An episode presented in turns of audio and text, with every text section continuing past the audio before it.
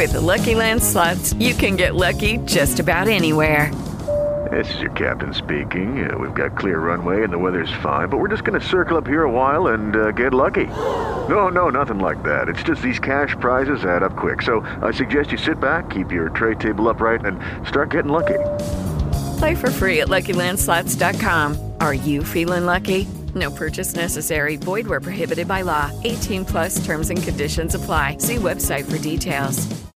Lucky Land Casino asking people what's the weirdest place you've gotten lucky? Lucky? In line at the deli, I guess? Aha, in my dentist's office.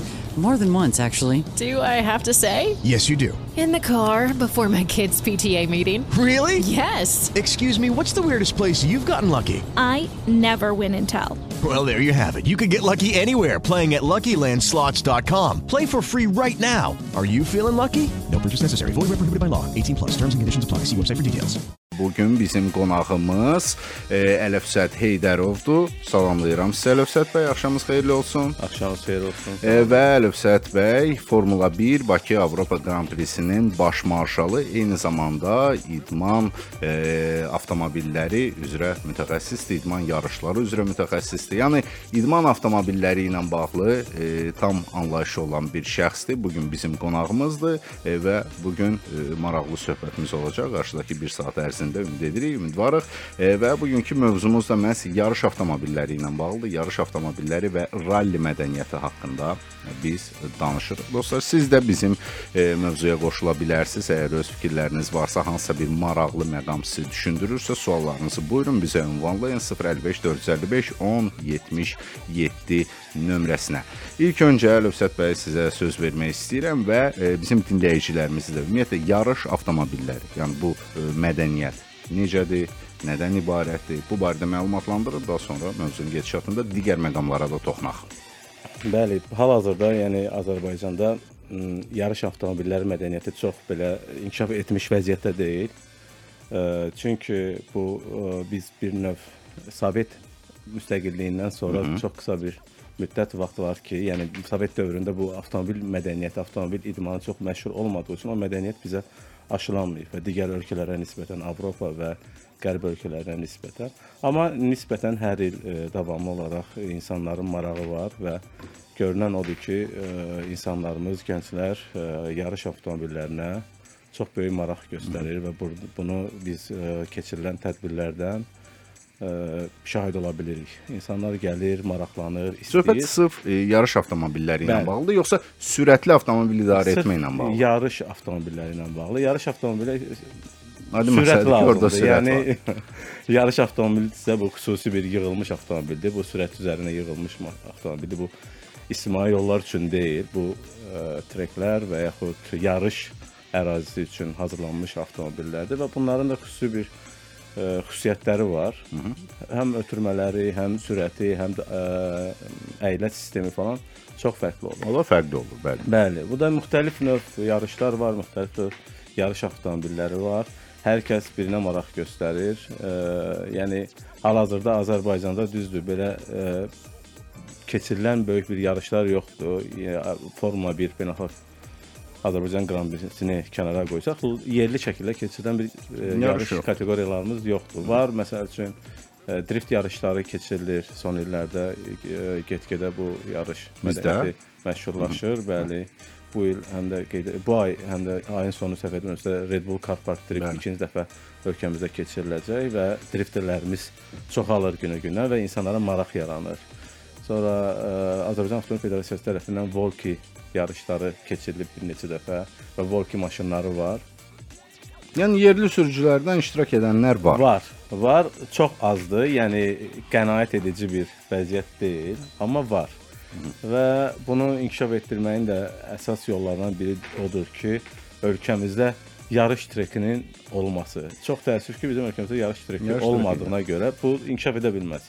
Yəni insanlar yanma avtomobil ala- alacaqlar, yığacaqlar, onu xüsusiyyətlərin hamısını edəcəklər və bunu harda sürəcəklər? Yoxdur bu. Yəni bunun üçün mütləq şəkildə, bəli, mütləq şəkildə bu lazımdır bu aha, avtoidman inkişafı üçün ən vacib məsələlərdən biridir. Elə bir sanki sənin bütün şeylərin var, xizək Hər şey var, amma- var, amma xizək kurortun yoxdur. Şərait yox. Yoxdur, belə bir şeydir.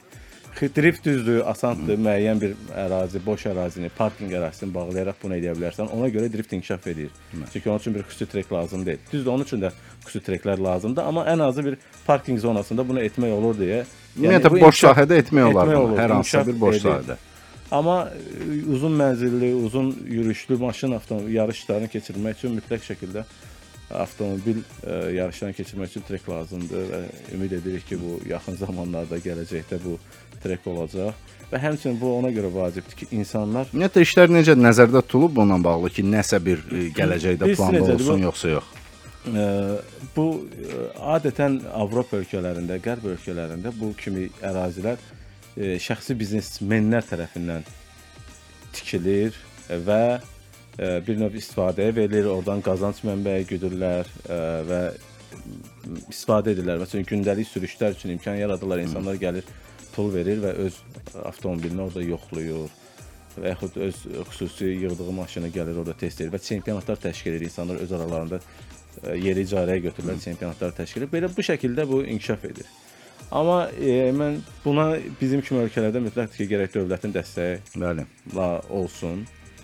Ümid edirik ki, nə zamansa bir e, bu e, proses Bu sahədə inkişaf eləyər bizdə biz bunun həmçinin də bizim yol hərəkətinin təhlükəsizliyi baxımından da vacib məsələdir. Çünki insanlar gənc insandır. Bəli. Bu sürmək istəyir.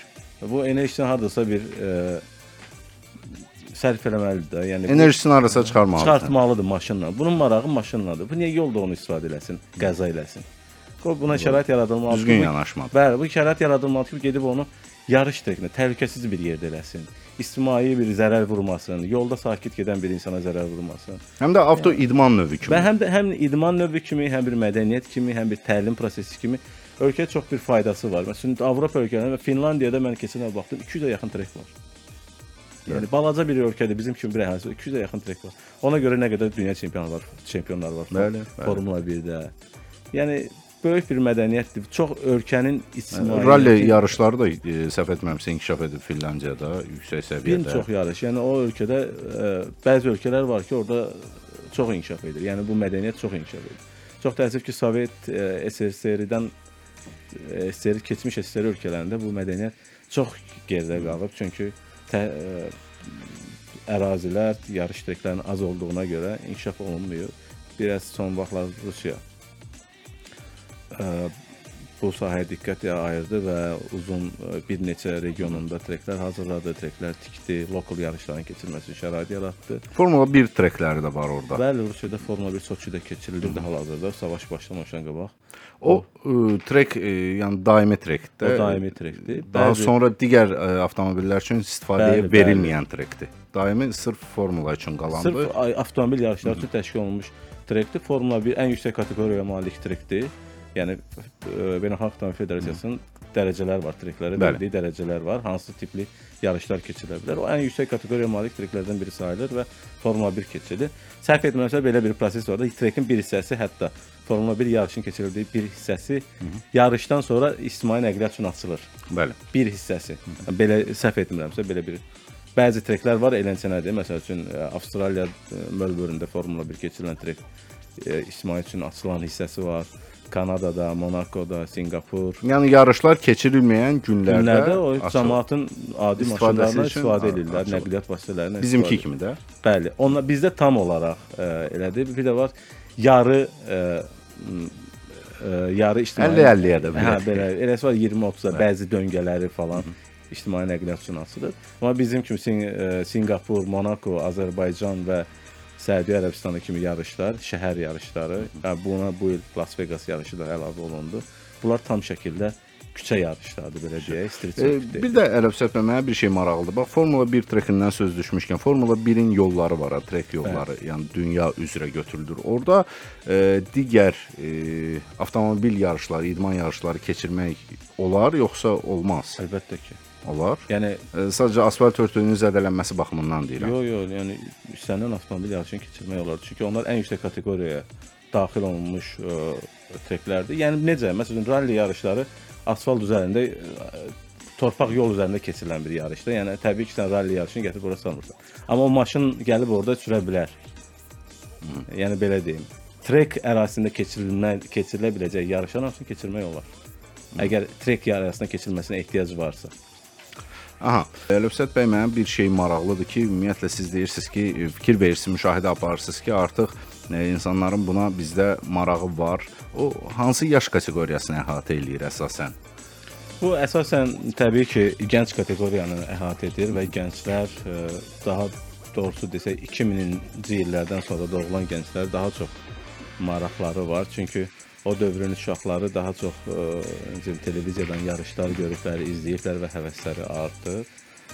Ə, bu ə, tədbirlərdən və yaxud müşahidələrimizdən ə, görürük ki, insanların avtomobilə marağı var. Bəli. Çox ciddi marağı var və bu avtomobilə olan marağı bu avto idman ə, sahəsinə çevirmək mümkündür və bunun üçün müəyyən bir işlər tələb olunur və bunların yetişdirilməsi üçün bir ə, proqramlar hazırlanmalı. Məsələn, yarışçıları necə yetişdirmək olar? Yarışçıları yetişdirilməsi üçün bir ə, yarışçı, ə, insan yarışçı olması üçün ilk növbədə o uşaq yaşlarına kartingdən başlamalıdır. Yəni karting yaşlı gənc yaşlardan, uşaq yaşlarından o kartinglə məşğul olmalıdır. Kartingdə o reflekslərini və o idman reaksiyalarını falan yoxlamalı və inkişaf etdirməlidir.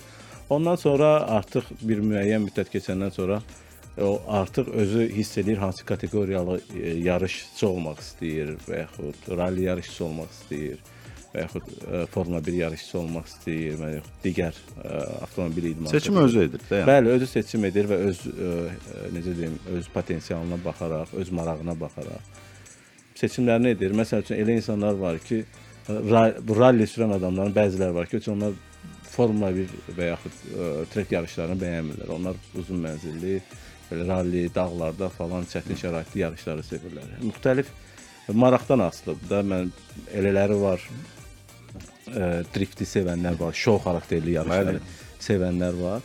Bu insan ə, müəyyən gənc yaşına ilk öncədən bu karting bu məktəbidir. Yəni elə bir növ Oradan başlamaq lazımdır. Hə, buradan başlayır. Buradan formalaşır və inkişaf edir, yarışlara qatılır, yarış həyəcanını görür. Yarışın nə olmağını hiss edir. Kartingdə bunu hiss edir. Çünki karting belə əyləncə bir ə, forması görsənsə də həqiqətən çox çətin və adamı inkişaf etdirən bir şeydir. Reaksiyalar. Amma ən azından bizdə kartinglər var. var, kartinglər var və bu çoxalır. Kartinglərə də tələbat da çoxalır. Bu da görsənir. Yəni biz buradakı Bakıdakı ə, karting mərkəzləri ilə tanış olub, onlarla danışırıq və görürük ki, insanların marağı var. Valideynlərin də maraqları var.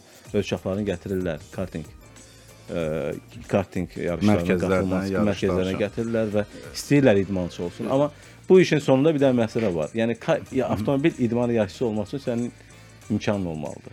Pulun olmalıdır. Bu təəssüf ki, yəni bu idmanın Bahalı ən idmanlardır. bahalı idman növüdür. İstər istənilən kateqoriyada. Sənin maşının olmalıdır, sənin sponsorun olmalıdır. Sponsorsuz mümkün deyil. Yəni bu bir hər hansı bir güləş idman növü deyil. Bu başqa bir necə deyim, Fərdi yarış növü Hə, fərdi yarış növü deyil ki də, yəni güc- özün güc yarışı hə, deyil. Güc gedirsən, id- məşq edirsən, idman edirsən və gedirsən gücünü göstərirsən. Burada ə, texnika var və bu texnika sənə lazımdır. Texnika da bahalı bir şeydir. Və bu texnikaya sahib olmaq üçün sənin pulun olmalıdır və texnikada davamlı olaraq inkişaf edir, Bəli. yenilənir və Onu sən o yeniliyə ayaq gətirməlisən. Ə, bunların da hamısı bilirsiniz ki, puldur. Həqiqətən də çox bahalı idman növüdür. Bir mə- e, sual məndə yarandı. Bizdə e, karting e, sahələri, treklər, onlar standartlara uyğundur yoxsa biraz balacadır? Bizim hal-hazırda məsəl üçün Su İdman Sarayının yanında yerləşən Baku City Karting ərazisi tam standartlara uyğundur. Hətta mən səhv etmirəmsə onu Herman Tilke dizayn edib. Herman Tilke hansı ki Formula 1 treklərini dizayn edən adamdır. Mən o vaxtı ə, açılışa verəndə belə demişdilər. Amma həqiqətdə olub olmadığını dəqiq deyə bilmərəm, amma belə deyildiyinə görə Herman Tilkenin dizaynı ilə ə, tikilmiş bir trekdir və trekin dizaynı, ə, forması çox idealdır, yaxşıdır. Mən özüm də ə, davamlı orada sürürəm və yarışlarda da iştirak etmişəm. Çox maraqlı trekdir. Bir iki növ necə deyim, axsaqlıqlar var. Nə kimi? Məsəl üçün trek ərazisinin maşınların nasazlıqları davamlı ə, tam həmişə sa- saz vəziyyətdə olmur və onları çalışırlar ki, daimi olsun, ə, saz vəziyyətdə saxlasınlar. Amma istənilən adam gəlib burada iştirak edə Bəli, bəli, istənilən adam pulu verirsən, gedib iştirak edirsən və yarış keçirmək istəyirsənsə yeri icarəyə götürsən, komandanı yığırsan, yarışçıları yığırsan. yarış O keçirdi. da amma hər kəsin özündən asılıdır Bəli, bu yəni bu idman belə bir şeydir ki, avtomobil idmanı. Yəni bu klublar yaranmalıdır. Fərdi şəxslərin marağı olmalıdır. Yəni öz maşınları yığır, yığır və klub yaranır. Klub mədəniyyəti formalaşır. Klublar ə, ə, yarışlar təşkil edirlər özləri arasında. Bu bu şəkildə formalaşmalıdır. Yəni biraz ə, E, uzun ə, prosesdə iş Bəli, olaraq. bəli. Yəni bu ə, idmanın da çətinlikləri. Yəni çox asan deyil bu idmanı inkişaf etmək. Çünki bizdə e, heç vaxt olmayıb e, və e, açıq danışaq indi yaxın e, bir neçə ilə də bəlkə də indi ola bilər olsun, amma bu gedişatdan görünür ki, e, heç olmayacaq da yaxın bəlkə də 2 ildə, 3 ildə. 2 ildə olmaq çox çətin məsələdir. Amma bir 10 illik proseslə Bəli, bunu 10 il- inkişaf etdirmək e, Ən mümkündür. bir 10 il vaxt lazımdır və onun Yəni ən vacib məsələ e, mərkəzin olmağıdır, yəni trekin olmağıdır. Bu oldusa, inandırım sizə ki, yəni bu mümkündür o yarışçıların çıxmağı, yetişməyi, yəni çünki e, Trekdə imkanlı məcbur deyil də də şəhərdə olsun da, şəhərdən kənarda da ola bilər. kənarda da olmalıdır. Yəni hökmən deyil çox böyük bir trek ola bilər. olsun. Hökmən deyil ki, beynəlxalq standartlara uyan bir trek olsun. Bu lokal xarakterli, yerli xarakterli bir trek olmalıdır. İlkin ki, addımlar üçün. Bəli. Bu insanlar burada e, necə deyim, gedib yarışmağı öyrənsinlər, yarışsınlar, həyəcan yaşasınlar və inkişaf elətdirsinlər. Sabah bir görəcək o yarışa bilir artıq beynəlxalq yarışlara, məsələn, e, lokal xarakterli digər ölkələrin yarışlarına gedib iştirak etməyə çalışacaqlar. İmkanı Və var. pulu elə elə də e, məhz Bəli, məsələn bizim driftçilər artıq gedir Gürcüstanda, biz son zamanlar görürük ki, aktiv şəkildə iştirak edirlər Gürcüstan yarışlarında. Yəni var, burada ə, mərkəzlər var. Buna görə ə, iştirak ediblər, öyrəniblər, sürüblər, o, o şövlanı göstəriblər. Daha çox maraqlarını ə, təmin etmək üçün digər ölkələrə gedirlər. Məsələn Gürcüstana gedirlər. Sabah Türkiyədən təklif gələcək, imkanları, o şərait yaranacaq, gedəcəklər Türkiyəyə, oradan Rusiyaya. Belə- belə belə belə belə bu şəkildə inkişaf üzə. Avropaya tərəf və Hə. daha sonra da inkişaf Hətta biz edir. görürük ki, məsəl üçün bu yaşı bizim hal-hazırdakı driftçilər orta nəslin insanlarıdır da, yəni əvvəl gənc yaşlarında çox da imkanları olmayıb, indi biraz imkan yaranıb, o imkandan istifadə edir. İndi həm yeni gənc nəsil yetişir. Bəli. Tam gənc nəsil 17, 18, 19, 20 bunların perspektivi və maraqları, viz vizyonları daha böyük olacaq. Yəni inanıram ki. İnanırıq. E, bir də mənim e, bir şey maraqlıdır Əlifsət bəy. Bax, e, Formula 1 yarışlarına yenə də qayıdaq. Formula 1 pilotu olmaq üçün onlar da nə vaxtsa kartinqdən başlayıblar da. Mütləq şəkildə. E, kartinqdən sonra neçə pillə var məhz e, Formula 1 bolidini sürmək üçün? Formula 1 ə, belə məcburi bir pillə yoxdur. Yəni sən kartingdən başlamalısan. Yəni gənc 4 yaşından, 5 yaşından, 8 yaşından eləsi var deyir ki, mən 4 yaşından uşaqlarım e, kartinglə məşğul olmuşam. 8 yaşından başlayırsan və əgər o potensialı görürsənsə, ə, xaricdə, digər ölkələrdə böyük beynəlxalq karting məktəbləri var. Bu karting məktəblərinə qoşulursan və o karting məktəblərində sən qoşulandan sonra sənin pot- potensialını görən sponsorlar və komandalar, klublar səni öz akademiyalarına cəlb edir və öz yarış maşınlarında səni e, yoxlayırlar və inkişaf elətdirirlər. Və ondan sonra müxtəlif kateqoriyalı yarışlara salırlar. Məsələn, F2 yarışları olub, əvvəl F3 yarışları olub. Müxtəlif növ yarışlar var, hansı ki e, perspektivli gənclərin yoxlanması və yuxarı kateqoriyaya atlanması üçün o yarışlardan istifadə olunur. Yəni o yarışda qalib gəlib daha sonra üst kateqoriyaya keçir bəli, bəli. Yəni qalib gəlməyə də bilər. Sadəcə məsələn eləsi ola bilər ki, məsələn F2 yarışlarında heç qalib gəlməyib, amma o potensialına hansısa bir komanda güvənir və onu Formula 1 e, komandasına cəlb eləyir və öz e, komandasını pilot edir. Bir də Formula 1-də ə, idman hissəsindən əlavə pul faktoru çox ciddi rol oynayır. Yəni orada sponsor faktoru çox ciddi oynayır. Bilirsiniz ki, Formula 1 komandalarının büdcəsi çox böyükdür. 300 milyon, 400 milyon avro, dollar civarında büdcələrdə. Bu büdcələri də təmin etmək üçün sponsorlar lazımdır. Sponsor bəzi komandalar var ki, pilotlar var ki, çox güclü sponsorlar var və o güclü sponsorların hesabına Formula 1-ə atlaya bilirlər, daha tez atlaya bilirlər. Hətta elə. Bəli, elə pilot var ki, məsələn, bəlkə onunla eyni kateqoriyadadır, gücü və potensialı eynidir. Amma Pullu sponsor- pilotun sponsoru daha çox olduğu üçün o daha tez atlayır. Çünki pul vacib faktordur. Formula 1 çox bahalı idman növüdür. Ən bahalı hətta deyərdim, ən bahalı növlərindən biridir. Və burada pul ə, başlıca rol oynayır. Məsələn, hətta biz bilirik ki, Schumacherin ilk yarışına girməsi üçün ə, pul ödənişi etdiyi olub. Formula 1-də ilk yarışında iştirak etməsi üçün. Və ondan sonra onun potensialı inkişaf olunub və sponsorlar cəlb olunub, sponsorlar gəlib və onu belə ulduz bağlayır. Yəni Formula 1-də bizdə hal-hazırda e, hal-hazırda Stroll var. E, Formula 1 Alan Stroll. Atası dünyanın ən varlı, zəngin insanlardan biridir. Komandanı aldı. Hansı ki, oğlu O komandada bəli. Komandanı aldı və özünküləşdirdi artıq. Bəli.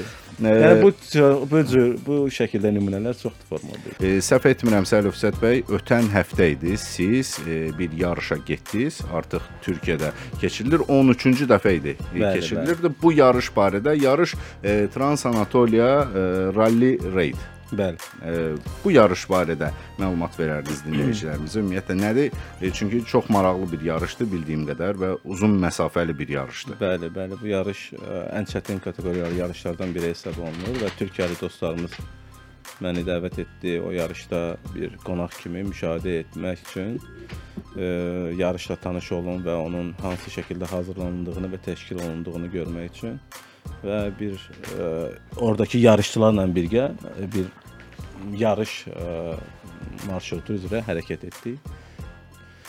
Yarış deməli ə, uzun yarışdır. Yəni 2350 kilometr məsafədə rally raid yarışı qeyd olunur. Bu artıq 2013-cü dəfədir keçirilir. Keçirilir. Ə, Bəli. Ə, 14 fərqli ölkədən 128 ə, idmançı iştirak edirdi. 5 fərqli kateqoriya üzrə yarışda ə, təşkil olunmuşdu. Ya 17 Türkiyənin 17 rayonundan belə deyək keçirdi. Yəni bu bu Türkiyənin Cümhuriyyətinin 100 illiyi münasibətilə onlar ə, Türkiyədə bir Qurtuluş Savaşı deyilən bir Bəli. savaş var. O Qurtuluş Savaşının izi ilə bu ə, hərəkət elədilər. Yəni yarış Samsundan başladı, İzmirdə bitdi. İzmirin azad olması günü münasibətilə 9 sentyabrda. Çox, ə, yəni mən o yarışla bağlı uzun müddətdir tanışam. Əvvəlki illərdə virtual olaraq sosial şəbəkələrdən, xəbərlərdən tanış idim, amma yarışın içində olmaq tamam başqa bir ə, Hissdir. hissdir və Neçə gün davam elədi ya? ə, yarış 8 gün davam elədi. Bütün 8 gündə ordaydınız. Bəli, bəli. Yarış 8 gün Samsunda başladı və İzmirdə bitdi. 2 sentyabrda Samsunda başladı, İzmirdə bitdi və bir gün ə, otel, bir gün kamp ə, kamplarda qalmaq ə, şərti ilə ə, davam edirdi və yarışın marşrutu çox uca dağlardan, çox mənzərəli yollardan ə, keçirdi və bu yarışın bir növ məqsədi həm ə, onların şüarları da var. Ride ə, Ride of Nature, Ride of ə, mədəniyyətin mədəniyyət yolu ilə getmək, təbiətin izi ilə getmək. Bu bu şüarları həm Türkiyənin bir növ o, turizm potensialını göstərirlər. Məsələn biz orada dünən biz yarış vaxtı oradan keçdik. Frigiya vadisi deyilən bir şey var. 3000 illik tarixi var. Bəli. Mağaralar. Biz onun yanından yarış avtomobilləri keçir və insanlar da ə, gələn qonaqlar da o ə, aralar bax ə, ara verilən zamanlar gedirlər, izləyirlər. Kapadokiya ərazisindən keçdi. Oradakı vadilər var. Kapadokiya yanında ə, mağaralar var. 2000 illik yaşayış tarixi olmuş mağaralar. Ə, uca dağların arasından keçdi. Çox maraqlı və çə- ə, Yəni keçilməsi ətrafa baxa-baxa. Hə, ətrafa təbiəti baxa seyr baxa eləyək. təbiəti və tarixi, mədəniyyəti seyr edə edə e, yarışırsan. Və yəni bu xarici idmançılarla mən orada çox e, ünsiyyətdə oldum. Orada kom ə, zavod komandaları vardı. Yamaha, Aprilia, Sherco kimi böyük zavodların, motosikl zavodlarının nümayəndə komandaları da iştirak edirdi və onlarla danışdım. Çox hətta onlar o Kab Kapadokiya və Frigiyadan keçəndə, yəni onlar çox belə necə deyim, təəccüblənmişdilər və həyatlarının ən belə gözəl ə, kamp şeyini qeyd elədilər ki, bizim yarış ə, ta həyat tar- tariximizdə ən gözəl kampımız idi bu. Çünki səhər oyanırsan, səhər saat 6-da oyanırsan, hər yerdə şarlar qalxır. Şarlar keçir. Kapadokiyada və ətraf mənzərəsi, günün çıxması falan bir növ ə, Türkiyə ə, ya bu yarışı keçirməklə həm öz tarixini satır, necə deyim, təqdim edir, həm mədəniyyətini, həm turizmini. Bunu ə, ə, Transanatoliya ə, belə deyim, yaranması elə olur ki, orada Türkiyədə müxtəlif bir klubların birgə birləşməsi ilə özləri bu yarışı yaradıblar və ildən ilə böyük hal-hazırda 2 milyon yarım avrodan çox büdcəsi var. Həmin o yarış. Bəli, amma heç bir dövlət dəstəyi, heç bir ə, büdcə təşkilatının dəstəyi falan Yoxdur. yoxdur ma- maddi cəhətdən. Məsələn, təbii ki, var. Məsələn, polisi kömək eləyir və yaxud Onlar ə, bəli, tibbi ayrı. xidməti dəstək verirlər. Ə, fövqəladə vəziyyətlərdə Fövqəladə Hallar Nazirliyi kimi onların nazirlikləri var. Onlar dəstək verirlər. O məcburdular, yəni bir xidmət kimi. Amma belə klublar tərəfindən yaradılmış bir yarışdır və və orada müşahidə elədim ki, bu ə, mədəniyyət ə, Türkiyədə var. Çünki onlar tarixən əzəldən ralli ə, seviblər, dağlarda, təbiətlərə imkan verib torpaq yollarda yarışıblar. Əsasən də mən söhbətlərdən aşina oldum ki, ə, Sovet maşınları üzərində bunlar Bəli. bu mədəniyyəti Bəli, görüblər. bəli, elə. Niva, biz dediyimiz Lada Niva, Lada 09, Bəli. 08 bunların necə deyim, gənclik illərinin Gənclik illərinə təsadüf eləyir. maşınlarıdır və hamısı danışanda dedi ki, biz o maşınlar üzərində bu başlamışıq yarışmağa. Hər bir yarışçının o maşınlardan olub. İndi amma avtomobillər müasirləşib Müasir avtomobillərdir. Ümumiyyətlə və şəra- sırf ralli üçün nəzərdə Bəli, tutulan. orada həm ə, motosikl kate- kateqoriyası var, həm SSV ə, kateqoriyası var, həm Kam KAMAZ kateqoriyası var, həm ralli maşın kateqoriyası var, həm də kvadrotsikl kateqoriyası var. Bu 5 kateqoriya üzrə yarışır. Eyni vaxtda başlayır yoxsa ayrı-ayrı vaxtlarda? Belə deyim də, ə, kateqoriyalara görə startlar verilir. Məsəl üçün, hər ə, günün 2 etapı olur. Birinci etap ə, ümumi etapların vaxtlarına görə xallar verilir və ümumi yekunda xala görə çemp ə, birinci və ikinci yerlər, üçüncü yerlər yerlər təyin olunur. Həm ümumi cədvəl üzrə xal xallar ə, yer ə, təltif etmə var, həm də kateqoriyaya görə. İlk öncə başlayırlar ən sürətli avtomobildən. Ən start birinci başlayan avtomobil ə, kateqoriyasının mototsikllardan 2 dəqiqədən bir ə, avto mototsiklları buraxılır. Sonra məsəl üçün keçirlər ə, SSV kateqoriyasına, o ikinci ən sürətli maşın kimi. Onların ə, buraxılması, o da yenə 1 dəqiqədən bir buraxılır. Ralli kateqoriyası həmçinin ə, ya ralli maşınları, ən sonda KAMAZ. Bir də orada ə, bu transanatoriyada raid maşınları var. Məsələn, hansı ki siz bir şəxssiz, heç yarışçı deyilsiniz. Sadəcə offroad maşınınız var, müəyyən bir gücə malik maşınınız var. Siz sadəcə o marşrut üzrə hərəkət etmək istəyirsiniz. Bəli. Ən sonunda sizin kimi bir artıq bir həm motosikl sahəsində, həm motosikl kateqoriyasında, həm də maşın kateqoriyasında şəxslər vardır. Bir 40 nəfər maşın kateqoriyasında vardır, 40 nəfər motosikl kateqoriyasında Ki vardır. yarışçılar deyil də bunlar. Bunlar yarışçı deyil. Sadəcə gələnlər. onların da Bəli. içərisində belə ə, şey var, necə deyim, təltif etmə var. Sadəcə Amma həvə- həvəs- həvəskardırlar. Həvəskardırlar. GPS qoyulur. Sizə məsələn sürət limiti qoyulur. Sürət limitini aşa bilməzsiniz. Həmçinin yarışçılar üçün də sürət limiti var. Çünki onlar kəndlərin içindən keçirlər, elə olur ki, dəmir yolu xəttinin içindən keçirlər. O hər zonanın sürət limiti var. Yəni ki, sən burada 30 ilə getməlisən maksimum, burada 60 ilə getməlisən. Burada sürəti sıxa bilərsən, problem deyil. O ə, sürət limitinə görə də məsələn kim keçirsə onların xallarına silinir falan belə və ya pul cəzası verilir. Buna görə xal tənzimlənir. Və reyd yarışmacılarında bir e, kiçik bir sürət limiti qoyurlar. Yəni onlar yarışma ixtiyarları yoxdur, sadəcə ə, vaxt göstərirlər. Sadəcə çıxır o həmin marşrut üzrə dağlarla gəzir. İnsanlar var idi, ailəsini götürüb məsələn uşağı, balaca körpə uşağı özü böyük bir offroad maşını var, 2350 kilometr gedir. Və yaxud xanımlar var idi, bir neçə xanımlar gördüm. Eləçənə yarışırdı. Həvəsləri var. Hə, bunlar maraq tək var, həvəs Türkiyədən var. deyildi. Bir çoxsu xaricdən gəlmə insanlar idi. Özləri gəlirlər, bilirlər ki, belə bir yarış var. Ödənişli edir, kateqoriyasını qeydiyyatdan keçir və gəlir iştirak edir. Onda bizimkilər də iştirak eləyə bilər də, yəni. Əl- təbii olaraq, əlbəttə ki. E, Sadəcə Yəni- olaraq bəlkə e, bizdə bir o qədər də yetərli e, populyarlaşmayıb bu. E, çünki e, transanatoliya yoxsa e, Yəni məşhurluğu var. məşhurluğu var və ə, məsələn biz bunu daha da ə, tanıta bilərik burada və mən özüm də yəni gördükdən sonra artıq özüm də bir bir necə deyim marağım yaranıb və istəyirəm ki, ətrafımdakı insanları Cəlb eləyək. cəlb. Ə, tə, ilkin olaraq düzdür gedib raid kimi bir görsünlər. Yarış yolu nə deməkdir? Yəni sən birbaşa onları yarışmayan adamı birbaşa sən e, trekə e, yarış kimi, yarışçı kimi buraxanmazsan, heç onlar da qəbul etməz. Sənin bir yarış keçmişin olmalıdır ki, bir yarışçı olasan orada. Raid kimi gedəndən sonra bir nəticə göstərəndən sonra növbəti illərdə yarışçı kimi iştirak etmək olar və sənin avtomobilin də buna imkan verməlidir o kateqoriyaya. İştirak etmək üçün bəs nə lazımdır? İştirak etmək üçün sənin o kateqoriyaya uyan avtomobilin olmalı, yarış avtomobilinin, nəqliyyat vasitəsinin olmalıdır. Və ə, orada rüsumlar var, ödəniş rüsumları. O ödəniş rüsumlarını eləməlisiniz. Ə, bu şəkildə. Məsələn, orada Dakarda iştirak edən yarışmacılar var idi.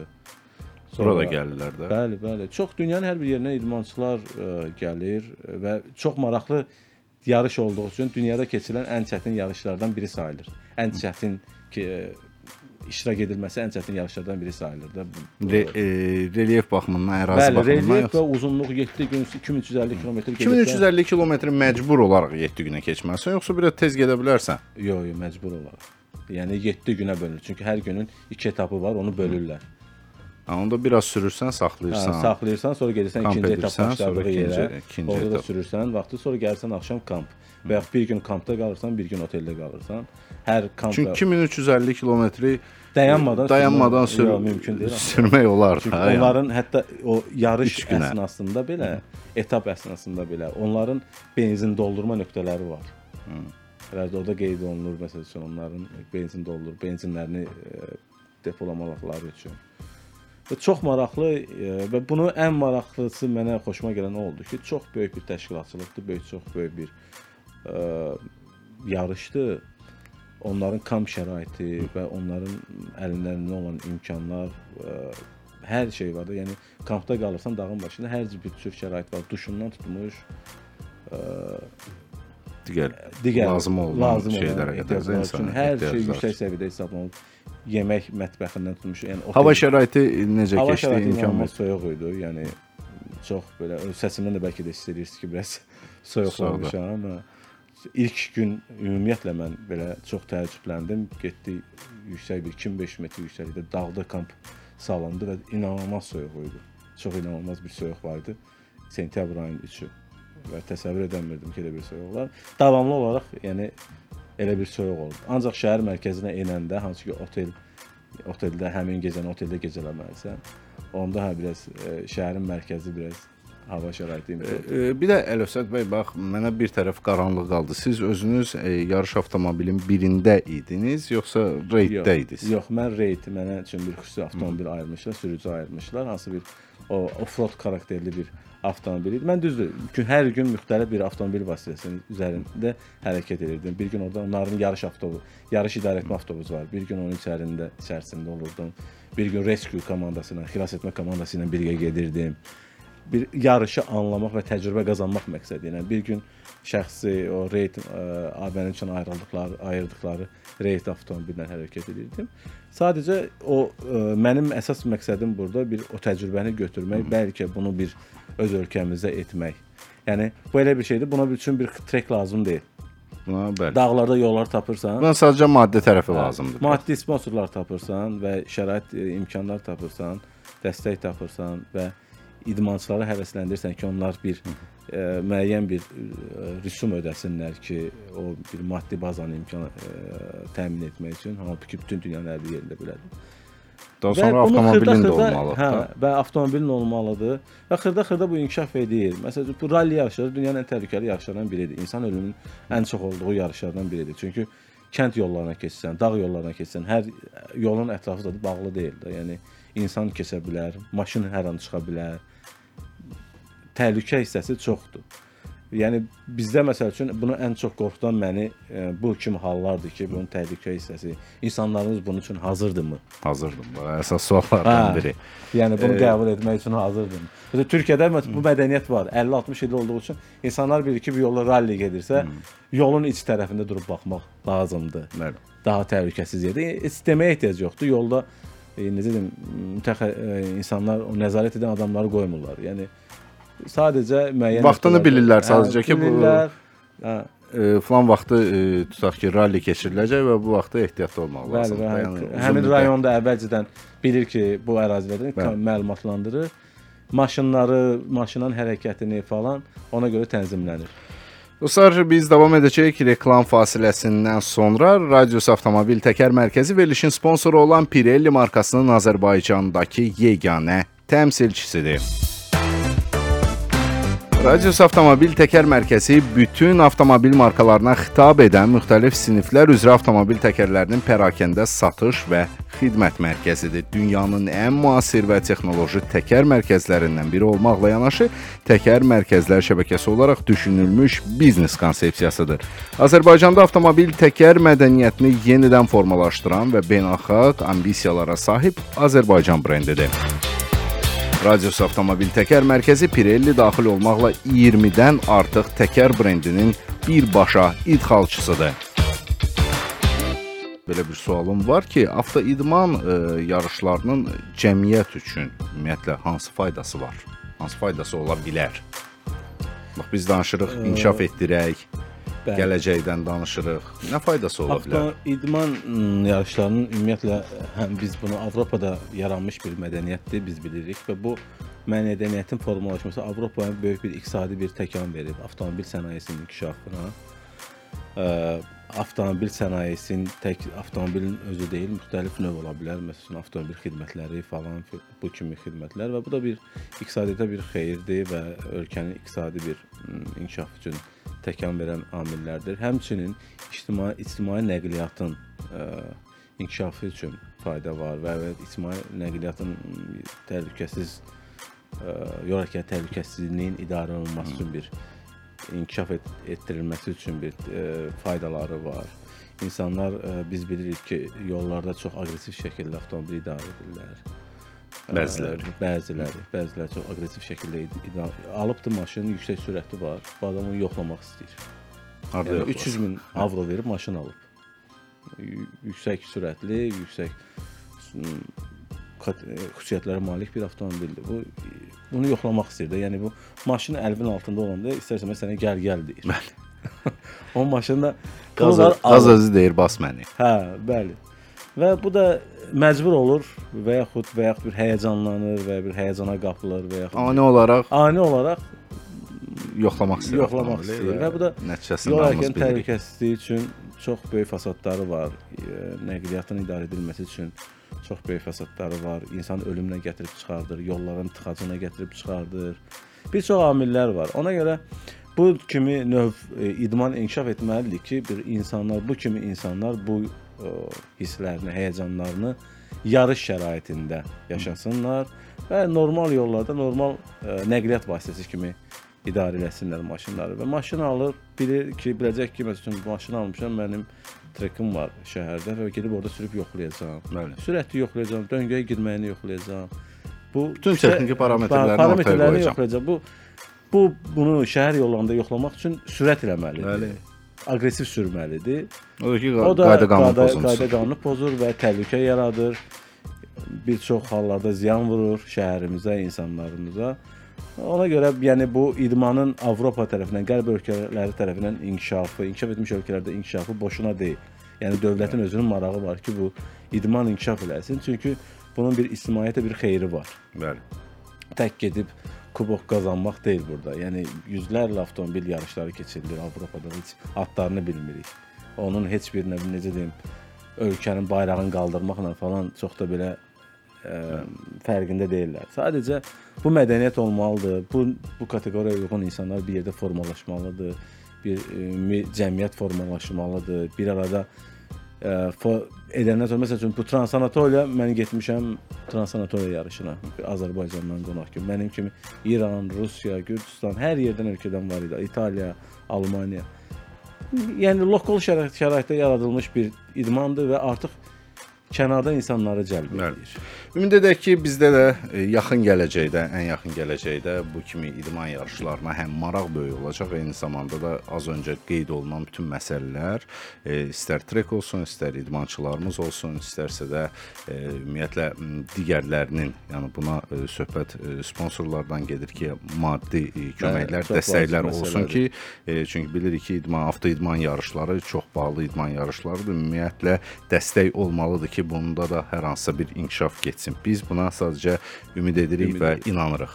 E, təşəkkürlər Əlövsət bəy, dəvətimizi qəbul edib gəldiyiniz üçün və işimiz yekunlaşır. Minnətdarlığımızı bildiririk. oldu.